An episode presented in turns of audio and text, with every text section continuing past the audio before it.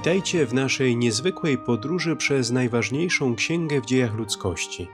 Nazywam się ksiądz Przemysław Krakowczyk, a to jest 21 odcinek naszego codziennego podcastu Biblia w rok. Na początek pomódlmy się słowami Psalmu 12. Ratuj, Panie, bo nie ma pobożnych, zabrakło wiernych wśród ludzi. Wszyscy mówią kłamliwie do bliźniego, mówią podstępnymi wargami i z sercem obłudnym. Niech Pan wygubi wszystkie wargi podstępne i język pochopny do zuchwałej mowy. Tych, którzy mówią, naszą siłą język, usta nasze nam służą, któż jest naszym Panem?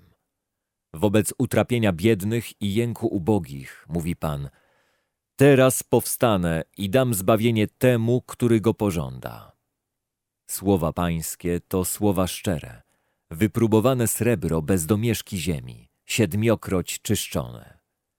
Ty nas zachowasz, o Panie, ustrzeżesz nas na wieki od tego plemienia. Występni krążą dokoła, gdy to, co najmarniejsze, bierze górę wśród ludzi. Dziś bardzo ważny moment w życiu Mojżesza. Bóg ukaże mu się i powoła go do najważniejszego życiowego zadania wyprowadzenia narodu izraelskiego z niewoli egipskiej. Wydarzenia, o których dziś usłyszymy, miały miejsce w kraju Madianitów. Dziś miejsce to leży w Arabii Saudyjskiej, na Półwyspie Arabskim. Ta informacja jest o tyle istotna, że większość map i przewodników błędnie identyfikuje górę Synaj, czyli Choreb, z jednym ze szczytów Półwyspu Synajskiego, który wówczas, jak i dziś, leży w granicach Egiptu. Jeśli to możliwe, popatrzcie na mapę i zlokalizujcie to miejsce.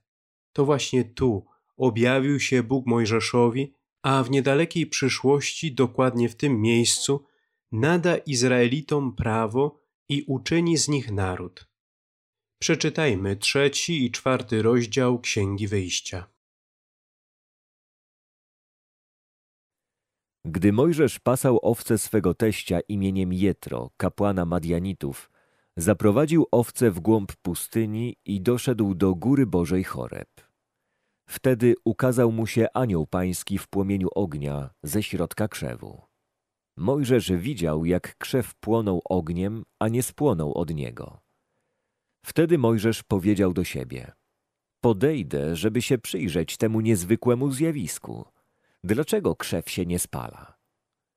Gdy zaś Pan ujrzał, że podchodzi, by się przyjrzeć, zawołał Bóg do niego ze środka krzewu. Mojżeszu, Mojżeszu! On zaś odpowiedział, oto jestem. Rzekł mu Bóg, nie zbliżaj się tu, zdejmij sandały z nóg, gdyż miejsce, na którym stoisz, jest ziemią świętą. Powiedział jeszcze Pan, Jestem Bogiem ojca Twego, Bogiem Abrahama, Bogiem Izaaka i Bogiem Jakuba. Mojżesz zasłonił twarz, bał się bowiem zwrócić oczy na Boga. Pan mówił, dosyć napatrzyłem się na udrękę ludu mego w Egipcie i nasłuchałem się narzekań jego naciemięzców. Znam więc jego uciemiężenie. Stąpiłem, aby go wyrwać z rąk Egiptu i wyprowadzić z tej ziemi do ziemi żyznej i przestronnej, do ziemi, która opływa w mleko i miód, na miejsce Kananejczyka, Hittyty, Amoryty, Peryzyty, Chiwity i Jebusyty. Teraz oto doszło do mnie wołanie Izraelitów, bo też naocznie przekonałem się o cierpieniach, jakie im zadają Egipcjanie. Idź przeto teraz, Oto posyłam cię do Faraona i wyprowadź mój lud, Izraelitów, z Egiptu. A Mojżesz odrzekł Bogu, Kimże jestem, bym miał iść do Faraona i wyprowadzić Izraelitów z Egiptu? A on powiedział, Ja będę z tobą. Znakiem zaś dla ciebie, że ja cię posłałem, będzie to, iż po wyprowadzeniu tego ludu z Egiptu oddacie cześć Bogu na tej górze. Mojżesz zaś rzekł Bogu: Oto pójdę do Izraelitów i powiem im: Bóg ojców naszych posłał mnie do was. Lecz gdy oni mnie zapytają, jakie jest jego imię, Cóż im mam powiedzieć? Odpowiedział Bóg Mojżeszowi: Jestem, który jestem. I dodał: Tak powiesz synom Izraela: Jestem, posłał mnie do was.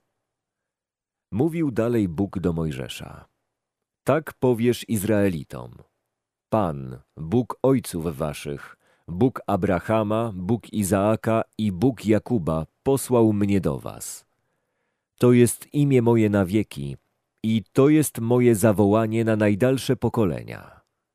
Idź, a gdy zbierzesz starszych Izraela, powiesz im: Objawił mi się Pan, Bóg ojców waszych, Bóg Abrahama, Bóg Izaaka i Bóg Jakuba, i powiedział: Zająłem się w pełni wami i tym, co wam uczyniono w Egipcie.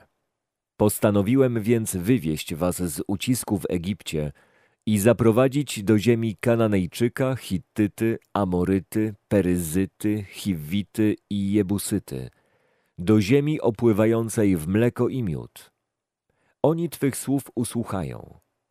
I pójdziesz razem ze starszymi Izraela do króla egipskiego i powiecie mu – Pan, Bóg Hebrajczyków, nam się objawił. Pozwól nam odbyć drogę trzech dni przez pustynię, abyśmy złożyli ofiary Panu, Bogu naszemu. Ja zaś wiem, że król egipski nie pozwoli wam wyruszyć, chyba że zmuszony siłą. Wyciągnę przeto rękę i uderzę Egipt różnymi cudami, jakich tam dokonam, a wypuści was. Sprawię też, że Egipcjanie okażą życzliwość temu ludowi, tak iż nie pójdziecie z niczym, gdy będziecie wychodzić. Każda bowiem kobieta pożyczy od swojej sąsiadki i od pani domu swego srebrne i złote naczynia oraz szaty. Nałożycie to na synów i córki wasze i złupicie Egipcjan. Na to powiedział Mojżesz. A jeśli nie uwierzą i nie usłuchają słów moich, lecz powiedzą, że Pan nie ukazał mi się wcale – Wówczas Pan zapytał go, co masz w ręku? Odpowiedział, laskę. Wtedy rozkazał, rzuć ją na ziemię. A on rzucił ją na ziemię i zamieniła się w węża. Mojżesz zaś uciekał przed nim. Pan powiedział wtedy do Mojżesza, wyciągnij rękę i chwyć go za ogon. I wyciągnął rękę i uchwycił go, a stał się znów laską w jego ręku.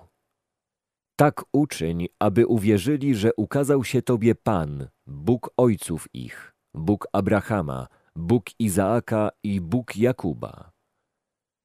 Ponownie rzekł do niego Pan, włóż rękę w zanadrze. I włożył rękę w zanadrze, a gdy ją wyjął, była pokryta trądem białym jak śnieg. I rzekł znów, włóż rękę w zanadrze i włożył ją ponownie w zanadrze, a gdy ją po chwili wyciągnął, była taka jak reszta ciała. Tak więc, jeśli nie uwierzą i nie przyjmą wymowy pierwszego znaku, uwierzą wymowie drugiego znaku. A gdyby nie uwierzyli nawet tym dwom znakom i nie zważali na mowę Twoją, wówczas zaczerpniesz wody z Nilu i wylejesz na suchą ziemię, a woda zaczerpnięta z Nilu stanie się krwią na ziemi. I rzekł Mojżesz do Pana, wybacz, Panie, ale ja nie jestem wymowny od wczoraj i przedwczoraj, a nawet od czasu, gdy przemawiasz do Twego sługi. Ociężałe są usta moje i język mój zesztywniał. Pan zaś odrzekł, kto dał człowiekowi usta? Kto czyni go niemym albo głuchym? widzącym albo niewidomym. Czyż nie ja, Pan? Przeto idź, a ja będę przy ustach Twoich i pouczę Cię, co masz mówić. Lecz Mojżesz rzekł, wybacz, Panie, ale poślij kogo innego. I rozgniewał się Pan na Mojżesza, mówiąc, czyż nie masz brata Aarona, Lewity? Wiem, że on ma łatwość przemawiania. Oto teraz wyszedł ci na spotkanie, a gdy cię ujrzy, szczerze się ucieszy. Ty będziesz mówił do niego i włożysz te słowa w jego usta.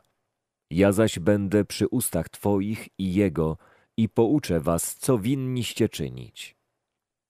On zamiast ciebie będzie mówić do ludu. On będzie dla ciebie ustami, a ty będziesz dla niego jakby Bogiem. A laskę tę weź do ręki, bo nią masz dokonać znaków. I odszedł Mojżesz, a wróciwszy do swego teścia Jetry, powiedział mu: Pozwól mi pójść z powrotem do braci moich, którzy są w Egipcie, abym zobaczył, czy są jeszcze przy życiu. Jetro powiedział do Mojżesza: Idź w pokoju. Pan powiedział do Mojżesza w Madian: Wracaj do Egiptu, gdyż pomarli wszyscy ci, którzy czyhali na twoje życie. Wziął Mojżesz swą żonę i synów, wsadził ich na osła i powrócił do ziemi egipskiej. Wziął też Mojżesz ze sobą laskę Boga. Pan rzekł do Mojżesza: Gdy będziesz powracał do Egiptu, pamiętaj o władzy czynienia wszelkich cudów, jaką ci dałem do ręki, i okaż ją przed faraonem. Ja zaś uczynię upartym jego serce, tak, że nie wypuści ludu. A wtedy ty powiesz faraonowi: To mówi Pan. Synem moim pierworodnym jest Izrael. Mówię ci, wypuść mojego syna, aby mi cześć oddawał, bo jeśli zwlekać będziesz z wypuszczeniem go, to ja zabiję twego syna pierworodnego. W czasie podróży w miejscu noclegu wyszedł Pan naprzeciw Mojżesza i chciał go zabić. A Sefora wzięła ostry kamień i odcięła napletek swego syna i dotknęła nim nóg Mojżesza, mówiąc Oblubieńcem krwi jesteś ty dla mnie. I odstąpił od niego Pan. Wtedy rzekła Oblubieńcem krwi jesteś przez obrzezanie. Powiedział Pan do Aarona Wyjdź naprzeciw Mojżesza na pustynię. Wyszedł więc, a gdy go spotkał w pobliżu góry Bożej, ucałował go.